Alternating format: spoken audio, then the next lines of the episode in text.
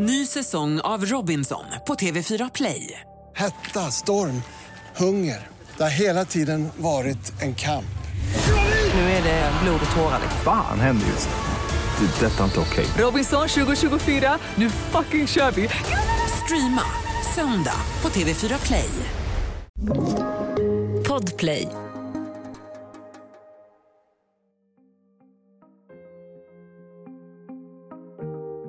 Skallar som sågas itu, kvinnor som hängs i krokar. Är det skadligt att se på splatterfilmer? Blir barn våldsamma av filmer som Motorsågsmassakern? När videon kommer skakas Sverige av en ofattbart stor debatt. Skräckslagna föräldrar ropar på krafttag. Politiker pressas att ta i med hårdhandskarna. Biskopar talar om att en hel generation kan gå förlorad. Och mitt i striden står Ann-Katrin Agebäck. Hon ska bedöma vad barn ska få se. Men hon är också en av få som håller huvudet kallt när debatten blir till moralpanik. Det här är Jag var där, en dokumentär från Podplay av Andreas Utterström och Mattias Bergman.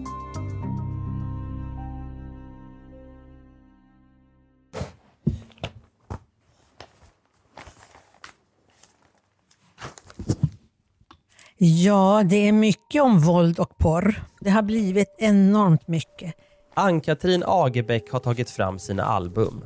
Där har hon klipp från olika tidningar med artiklar som hon har uttalat sig i genom åren. Du har tre pärmar här framme nu. Är det alla eller har du tio stycken till någon annanstans? Nej, jag har väldigt många fler. Eh, här står det våldsfilm skrämmer barn. Är det du som säger det eller någon annan? Nej, det är nog jag. Vardag med mord, blod och andra ruskigheter. Och det här är faktiskt Norrbottens-Kuriren 1990. Du kanske tycker att du är filmintresserad, men du har garanterat inte sett lika mycket film som Ann-Katrin. Förbjudet videovåld säljs öppet. Det gick ju från en chock av det här våldet till hur man skulle hantera det eftersom det ändå fanns. Det var en sån stor sak hade otroligt mycket medieuppmärksamhet. Jag tror jag hittade tusen bilder på mig själv när jag gick igenom och då har jag inte sparat allt. Videovåld ja. Vi kommer till det. Men först måste vi ta det från början. Ann-Katrin är kulturvetare i grunden. Men 1977 blir hon filmcensor. Vi var ju ungefär fyra stycken samtidigt som mest. Var det på Statens biografbyrå? Statens biografbyrå är vi nu.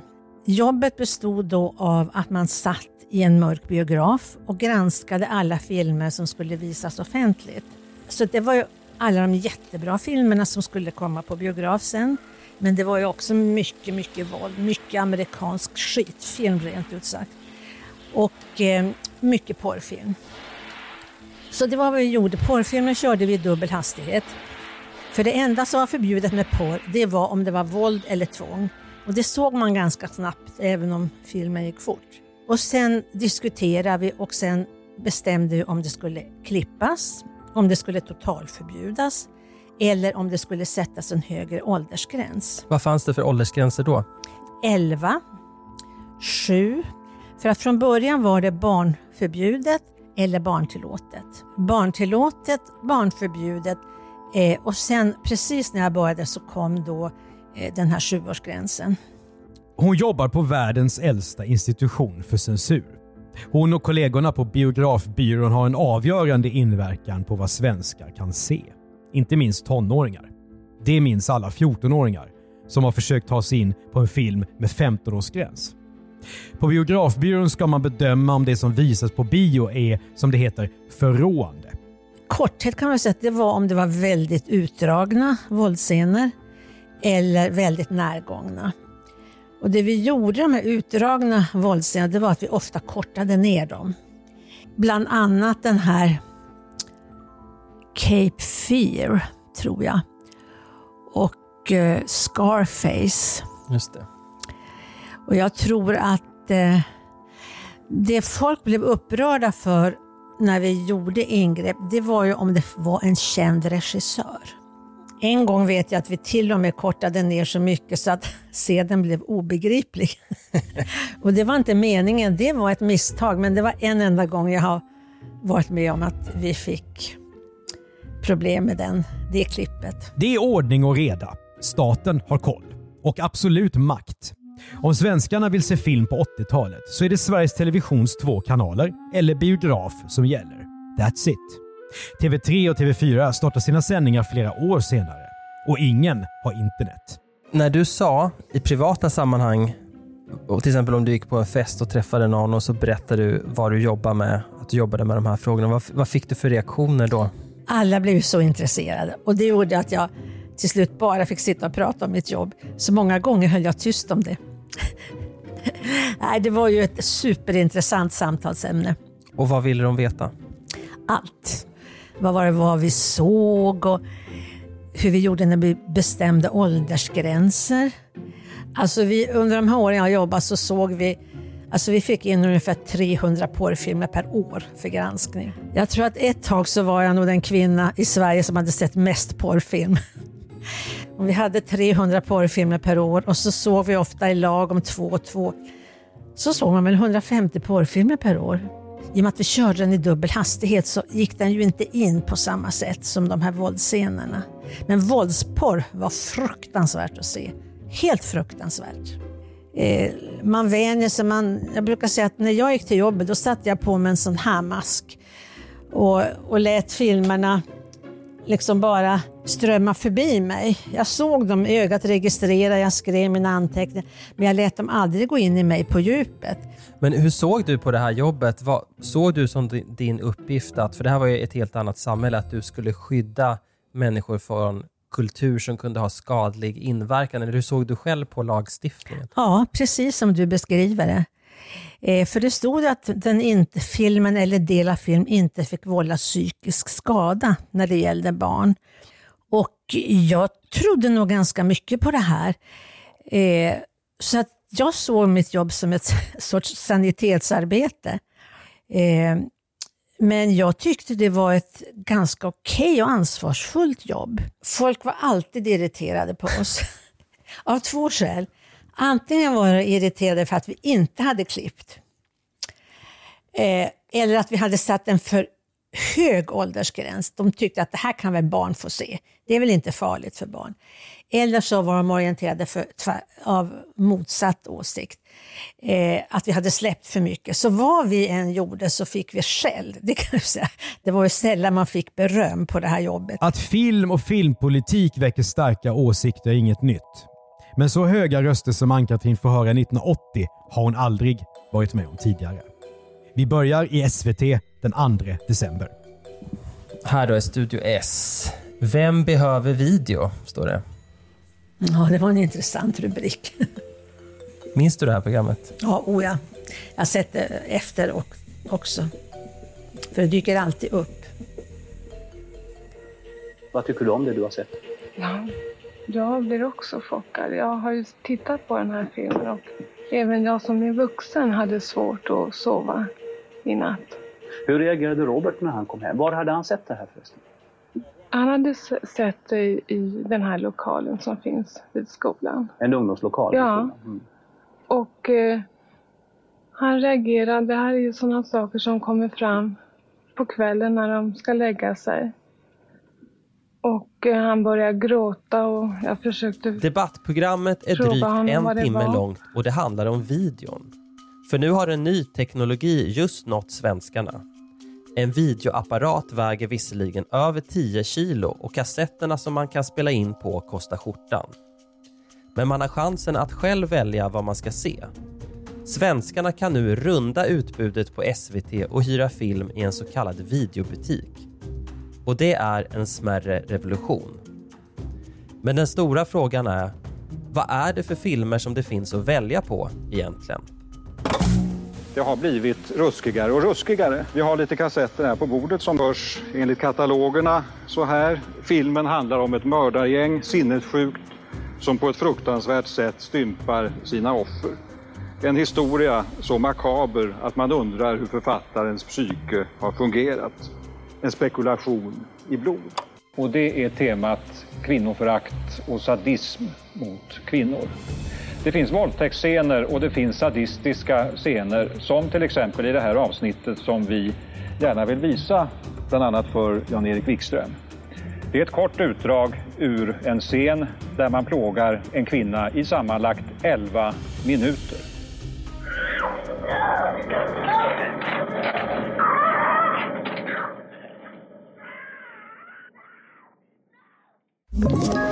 Ett poddtips från Podplay.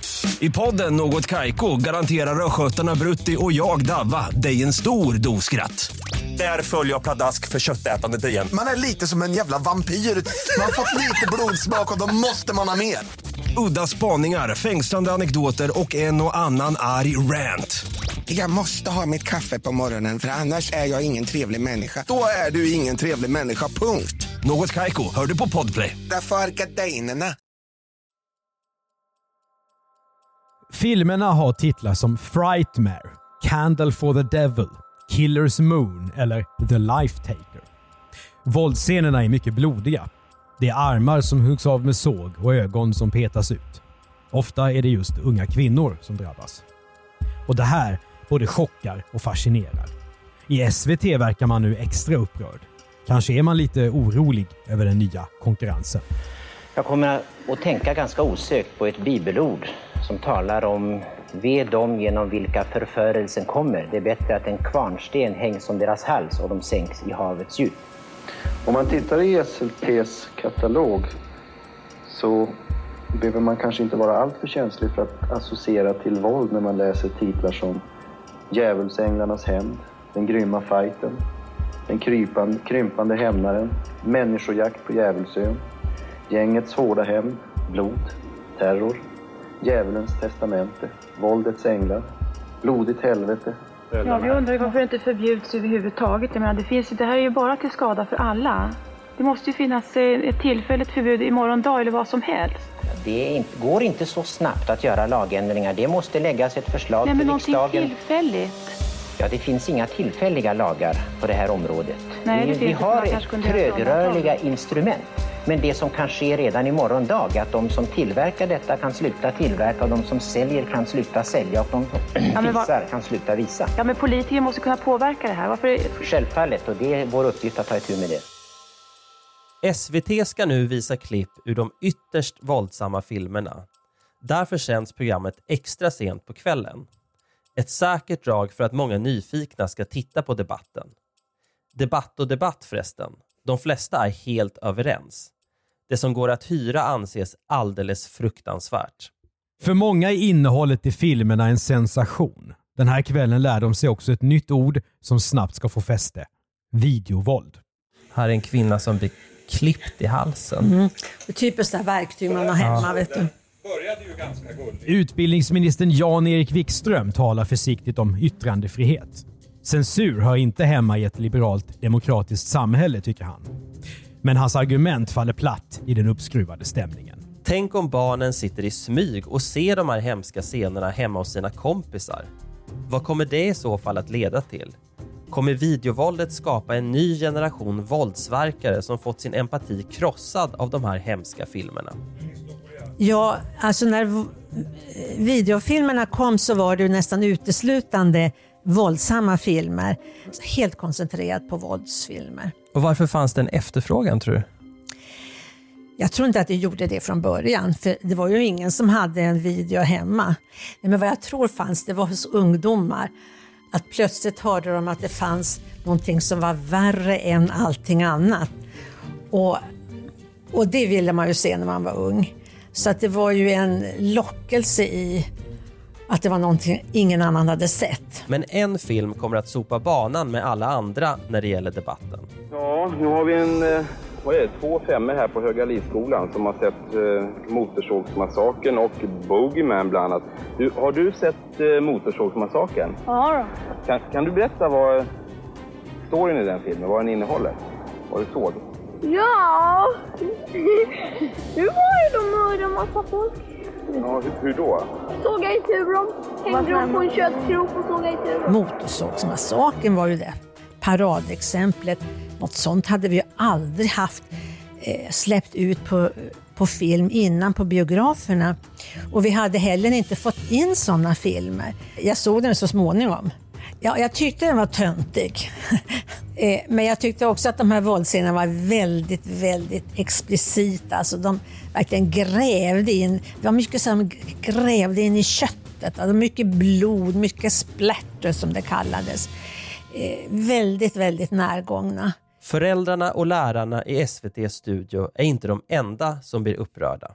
Dagen efter så har DN på sin första sida videovåldet kan bli åtal och polisen griper in mot uthyrare och säger upp deras lokalkontrakt. Och det är skolpsykologer som kräver censurlagar, det är biskopar som, som höjer rösten och Rädda Barnen är upprörda och, och eh, Hem och skola och så vidare. Ehm, Jag minns att det blev ett ramaskri i samhället. Väldigt, väldigt starkt ramaskri. Och eh, för oss som jobbade med det här, vi visste ju att det såg ut, eller att det hade börjat se ut så här. Men för allmänheten var nog det här en total chock tror jag.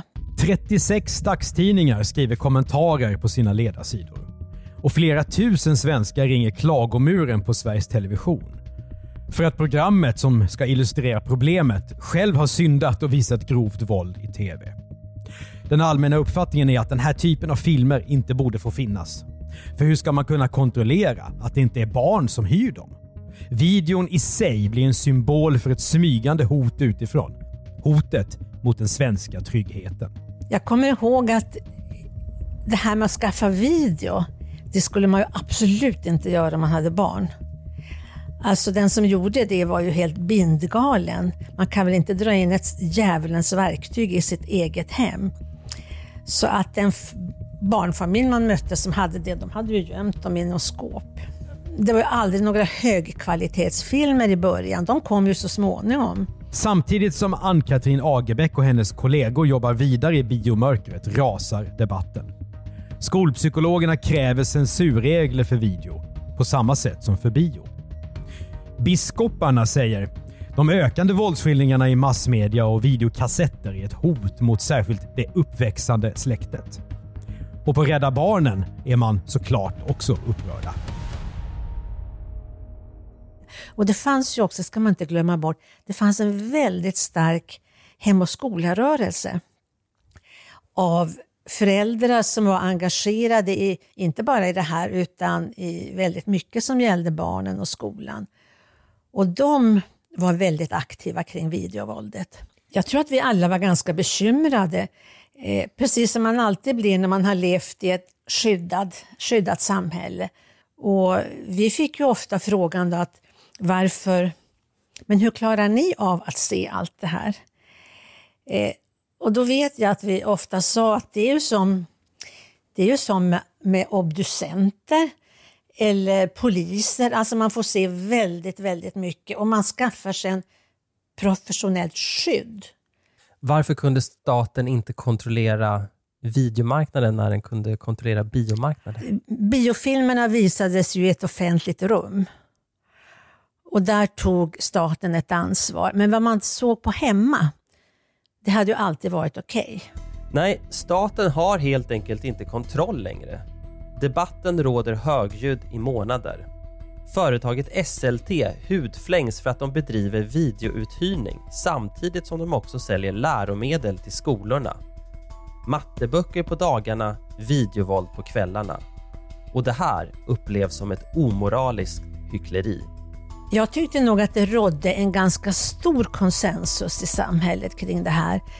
Alltså de som tyckte tvärtom, det var ju väldigt ofta just filmvetare eller forskare som såg det ur ett empirisk synvinkel, för det fanns ju inte så mycket, det måste jag ju tillstå. Alltså egentligen fanns det väl inte så mycket forskning, för man hade ju inte forskat på sånt här, därför att det hade inte funnits i samhället innan. Utan det var väl mer att man tog för givet att barn som ser mycket våld också inspireras av det. Eh, och det var ju väldigt mycket sådana här knivbråk mellan ungdomar på den här tiden. Det var inte skottlossning, det hade inte kommit till samhället ännu. Och det trodde man ju var mycket influerat av att så många filmer gjorde våldet underhållande. Att man inte såg hur mycket skada man kan få av ett sånt här slag. Men var det verkligen så enkelt som att våld på film skapade våldsamma ungdomar? För att det fanns ju också en teori kring det här och det var att barn som hade en stabil uppväxt, som hade normer och regler hemifrån, de löpte mycket mindre risk att bli väldigt påverkade av videovåldet. Medan de som levde i en våldsam miljö och kanske inte hade så mycket stöd hemifrån eh, lättare tog, det, tog efter det här våldet. Nej, de som är utbildade experter är inte lika övertygade som de skrämda föräldrarna om att man blir våldsam av att se på splatterfilmer. Och mönstren i debatten känns igen. Samma upprörda tonläge har funnits tidigare. Om jazzmusik, om dansbanor och om serietidningar. Och senare kommer samma debatt om datorspel. Men ett så ilsket och onyanserat samtalsklimat som det om videovåldet har vi kanske aldrig haft i Sverige. Ann-Katrin Agerbäck vet inte själv, men hon befinner sig mitt i en unik debatt. Jag, tänk, jag tänker att det kanske säger någonting om att samhället var annorlunda då än nu. Ja, absolut. Samhället var mycket, mycket annorlunda och det var ju också så att man växte upp i det goda samhället som, alltså jag är född i slutet av 40-talet och då växte man ju upp i det goda folkhemmet, definitivt. Allting blev bättre och bättre hela tiden och man hade en väldig tillit till kommunala och statliga instanser. Staten var liksom den gode fadern. Det har gått 40 år. Mycket har ändrats. 80-talet är en tid utan internet. Idag är det ingen idé att försöka kontrollera utbudet på nätet. Men på den här tiden känner sig svenskarna bekväma med att politiker och myndighetspersoner tar ansvar för vad som är lämpligt att titta på. Att fostra barnen som mediekonsumenter är statens snarare än föräldrarnas ansvar. Vem skulle egentligen kunna ha koll på allt det här? Eh, alltså den kändes ju inte så stabilt som när filmerna visades på biograf. Nu byggde det på ett led av flera olika inblandade aktörer. Så att det var ju ja, mer komplext och mer opolitligt om man säger så. Är du fortfarande en sanitetsarbetare i dina egna ögon vid den här tiden? Ja, mer och mer. Mer och mer tycker jag. För att eh, från början var det ju det värsta vi kunde se var väl liksom en blodig vilda västern ungefär. Men nu börjar det komma en annan typ av våld som man verkligen tyckte man kunde vara utan och framförallt att barn och ungdomar kunde vara utan. Och Jag vet också i samband med den här videovåldsutredningen så pågick det mycket diskussioner att man skulle hålla, hö, höja åldersgränsen till 18 år. Men det blev aldrig så. Men, men vad säger du, jag kommer tillbaka lite till dig igen, vad säger du till den som lyssnar på den här podden nu och tänker, men hur kunde det här vara statens ansvar? Varför var det inte individens ansvar att antingen själv bedöma om man ska se det här eller om mina barn ska se det och i så fall är det mitt ansvar att och, eh, skydda barnet från sånt som är dåligt att ta del av när man är ung. Ja, ja det var en annan tid. Alltså man litade på staten och man var så tacksam att staten tog hand om det mesta sånt här. Eh, och det kändes inte ett dugg konstigt då. Du sa ju att du var ute och föreläste en hel Mm, del. mm. Och då måste du ha mött många föräldrar som var väldigt rädda. Va, va, va, vad sa du till dem då? Nej men absolut, det var många som var uppskrämda. Vart är det på väg? Men då tyckte de ju att det var väldigt tryggt att filmcensuren fanns. Så jag blev ju det godas företrädare kan man säga. Jag sa ju ofta att eh, jag tycker att man ska försöka ha koll själv på vad som finns och själv sätta gränserna. Våld på film skapade våld i verkligheten.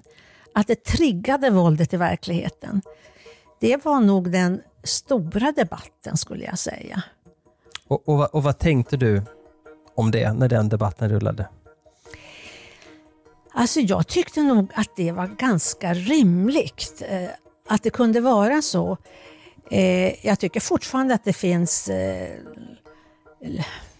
logik i det sambandet. Men numera vet man ju, och det visste vi ju då också successivt, att det krävs också några andra negativa eh, saker i en uppväxt för att man ska bli våldsam. Och det tror jag fortfarande. Men det är ju inte det som är grundproblemet då. Nej, men det spär på. Hur tänkte du för egen del? Hade ni video hemma? Ja, så småningom hade vi video, hemma. Och jag var ju den riktiga Alltså jag lät dem se en hel del, för jag var väldigt nyfiken på hur de skulle reagera. Aha, de var lite, lite, experiment, vad heter det, lite vad heter det, experimentkaniner? ja, men framförallt så, så försökte jag informera dem väldigt mycket. Jag vet om vi satt och såg någon film där de började slåss, så kunde jag säga så här, nu barnen, nu ska ni veta att de här två är egentligen bästa kompisar och när de har slagits klart då kommer de att gå, de att gå och ta en fika tillsammans. Det är bara bluff. Det är bara bluff. Och till slut när de kom upp i yngre tonåren, då kunde de säga kom inte och sätt dig här, du bara förstör filmen. Det är klart att man kan välja själv om man vill hyra video eller inte. Minns att bara några tiotusentals svenska hushåll ens äger en videoapparat på den här tiden. Men kraven på att makthavarna ska gå in och strypa våldsfilmerna, de är starka. Ann-Katrin Agerbäck och hennes kollegor undrar vad som ska hända. Och en politisk snabbväg kommer till. Videogramutredningen. I gammal svensk tradition så försökte man då lagstifta i första hand. Men tror att det också fanns ett, må ett mått av att politikerna kände sig obekväma med att de inte hade kontroll över vad medborgarna konsumerade för någonting? Ja, det är möjligt. 1982 klubbas videovåldslagen. Det blir ingen förhandscensur av alla videofilmer. Men anmälan ska i efterhand, som det heter, beivras. En klassisk svensk pragmatisk lösning. I februari 1983 sker den första lagföringen. En kvinnlig videouthyrare i Åhus döms till 50 dagsböter eftersom hon inte kollat lägg och därför låtit en 14-åring hyra film. Och det var ju precis det här som alla skräckslagna föräldrar var livrädda för. Just det, att det skulle inte vara någon censur i förhand av videofilmer som skulle visas hemma. Utan det skulle, man skulle kunna anmäla de som sålde eller hyrde ut sådana filmer eh, i efterhand om de översteg vissa gränser. Så att man, man la över ansvaret på, för egentligen på videodistributörerna för det innebar ju i, till syvende och sist att videohandlarna borde kräva av videodistributörerna, alltså de som startade kedjan, att de hade granskat filmerna hos oss, för då gick de alltid fria. Så mellan 81 och 85 så var det enda man kunde göra med videofilmer, om man fann dem alltför upprörande, så var det att anmäla dem, polisanmäla. Och det fanns faktiskt en organisation inom biografbyrån med regionala tillsynsmän som gick in på videobutiken och kollade vad de, vad de sålde eller hyrde ut där. Ann-Katrin behöver inte gå in med sin sax, än. Men 1984 drivs frågan om videovåldet på Socialdemokraternas viktiga kongress. Att alla filmer som hyrs ut i Sverige ska förhandsgranskas. Det skulle ta tre personer ett år framför skärmen att se de 3700 filmerna. Kulturministern Bengt Göransson inser att det är helt otänkbart. Och eh, S-ledaren statsminister Olof Palme vill verkligen inte se yttrandefriheten kvävas. Han blir så kokande arg att han lämnar podiet på kongressen. Det fanns ju politiker framför allt, men även en del skolfolk som yttrade sig väldigt, väldigt kategoriskt och sa att det här är förfärligt, förfärligt, förfärligt. Eh, och då hade de aldrig sett filmerna. Aldrig någonsin. För om man ställde motfrågan, men har du sett den här filmen? Nej, och jag tänker inte se den. Och det var väl det som man blev lite upprörd över, att de som skrek mest inte ens var insatt i det här. Eh, men vi som hade sett det här, vi kunde ju också tycka att det var problematiskt, men vi tyckte ju inte att de här okunniga skulle ta sig sådana brösttoner. Videouthyrarna är förbannade Lagen är för otydlig, ett slag under bältet. Vi förväntas självsanera men får inte veta hur, säger man. Det pratas om att våldsfilmerna flyttar under disk och att lagen är tandlös. Då hade man lugnat ner sig och då insåg man att om man tittar på det här hemma så är det var och ens ansvar.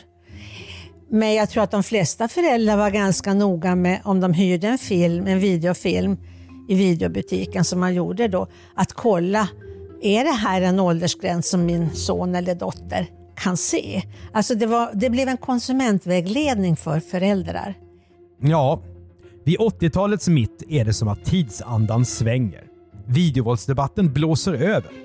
Medierna får som alltid någonting annat att fokusera på. Och föräldrarna hittar annat att vara rädda för. Som datorspel. Så nu klipps ju inte i någonting. Alltså filmmediet hade ju passerat lagstiftningen sedan långt tillbaka. Det gick inte längre att, att förbjuda och hålla det här borta. Utan man fick eh, försöka hitta andra metoder att jobba. Och eh, det blev en mjukare lagstiftning och mycket mer ansvar på föräldrar. Tiden går. Idag är filmer som Motorsågsmassakern kultrullar och debattprogrammet Studio S i SVT har både djupanalyserats och hånats. 22 år efter att det sändes intervjuas barnen som 1980 var så moget uppskrämda av våldsfilmerna. 2002 berättar de hur SVTs journalister har instruerat dem vad de ska säga. Och killen som sa att videofilmerna var tuffa, han klipptes bort. I efterhand, hur borde den här debatten ha förts? Ja, det sätt den fördes på var ju helt rimlig med det, den tid som var. Och framförallt som jag sa, ganska chockartat när videovåldet kom. I all sin närhet och all sin detaljrikedom. Och jag har också haft mardrömmar av vissa sådana här skräckfilmer. Vilka då till exempel? Ja, kanske som du säger Terror på MC. Alltså alla de här du vet, med väldigt vassa naglar och, och sådana här verktyg som fäller ut från kroppen. Och... Ann-Katrin Agerbäck ägnade sitt yrkesliv åt att titta, granska, klippa bort och ibland totalförbjuda. Men allting har ett slut. Även hennes tid i biosalongen. Det hände en intressant sak och det var 92. Då var det en väldigt stor eh, porrdebatt i, i riksdagen. Och då kom någon politiker på att de där filmcensorerna, hur länge sitter de och granskar? För de trodde att vi som satt och såg det här hela tiden, vi, skulle, vi släppte vad som helst nu för tiden. Och sen kom det ett nytt beslut att man fick inte jobba som censor mer än sex år. Och då hade jag jobbat i tolv. Vi blev plötsligt arbetslösa, vi som hade jobbat länge. Det var ju ganska chockartat. Vi hade ju tyckt vi hade säkra statliga jobb, men det hade vi inte. Då tillkom det som från början hette Våldsskildringsrådet. Då var det ju så att vår uppgift det var ju att också skydda barn och unga med, med information, med utbildning, vi utbildade lärare. Det blev mjukare vapen mot det här våldet och porren. Hon blir så småningom chef över medierådet. Den 1 januari 2011 avskaffas förhandscensuren. Tre år senare, 2014, visas Motorsågsmassakern på bio för första gången. Ingen blir upprörd. Den som vill se grovt våld eller porr hittar det snabbt, enkelt och nästan gratis i telefonen. Men moralpaniken, den är inte död. Debatten blossar upp varje gång en ny teknologi lanseras. När internet kommer spås ungdomen förstöras igen. Samma sak med smartphones, datorspel och inte minst sociala medier.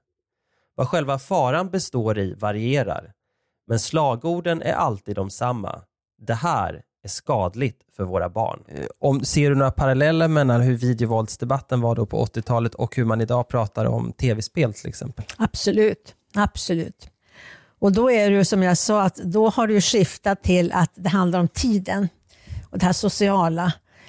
Det vill säga att man glömmer bort allt annat, att man inte är ute och leker, att man inte umgås med kompisar.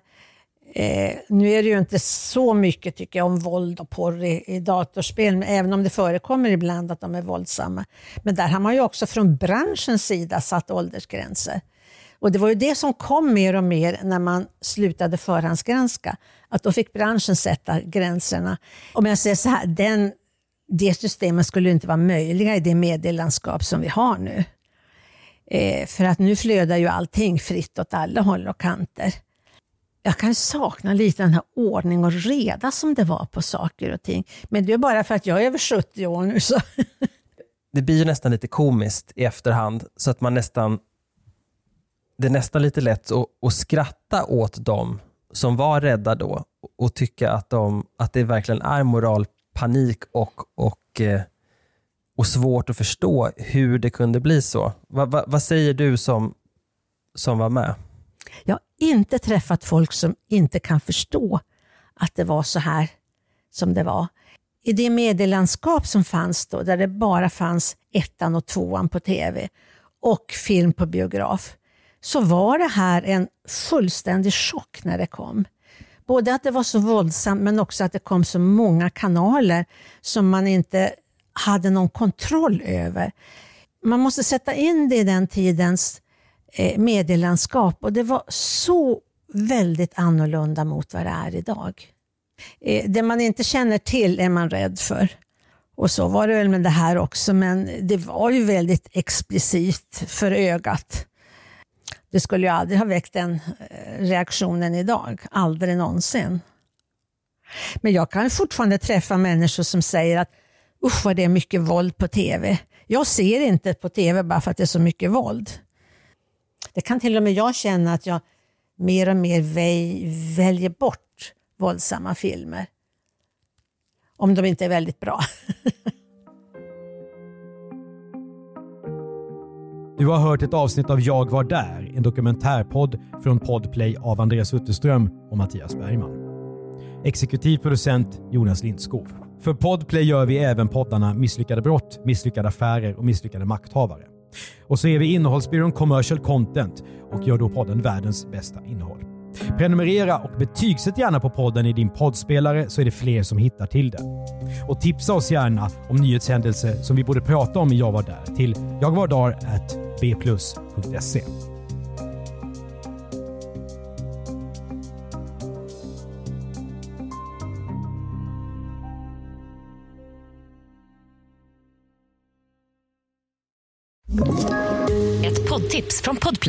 I podden Något Kaiko garanterar östgötarna Brutti och jag, Davva, dig en stor dos skratt.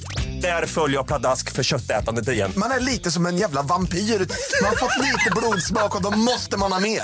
Udda spaningar, fängslande anekdoter och en och annan arg rant. Jag måste ha mitt kaffe på morgonen för annars är jag ingen trevlig människa. Då är du ingen trevlig människa, punkt. Något Kaiko, hör du på Podplay. Därför arkadeinerna.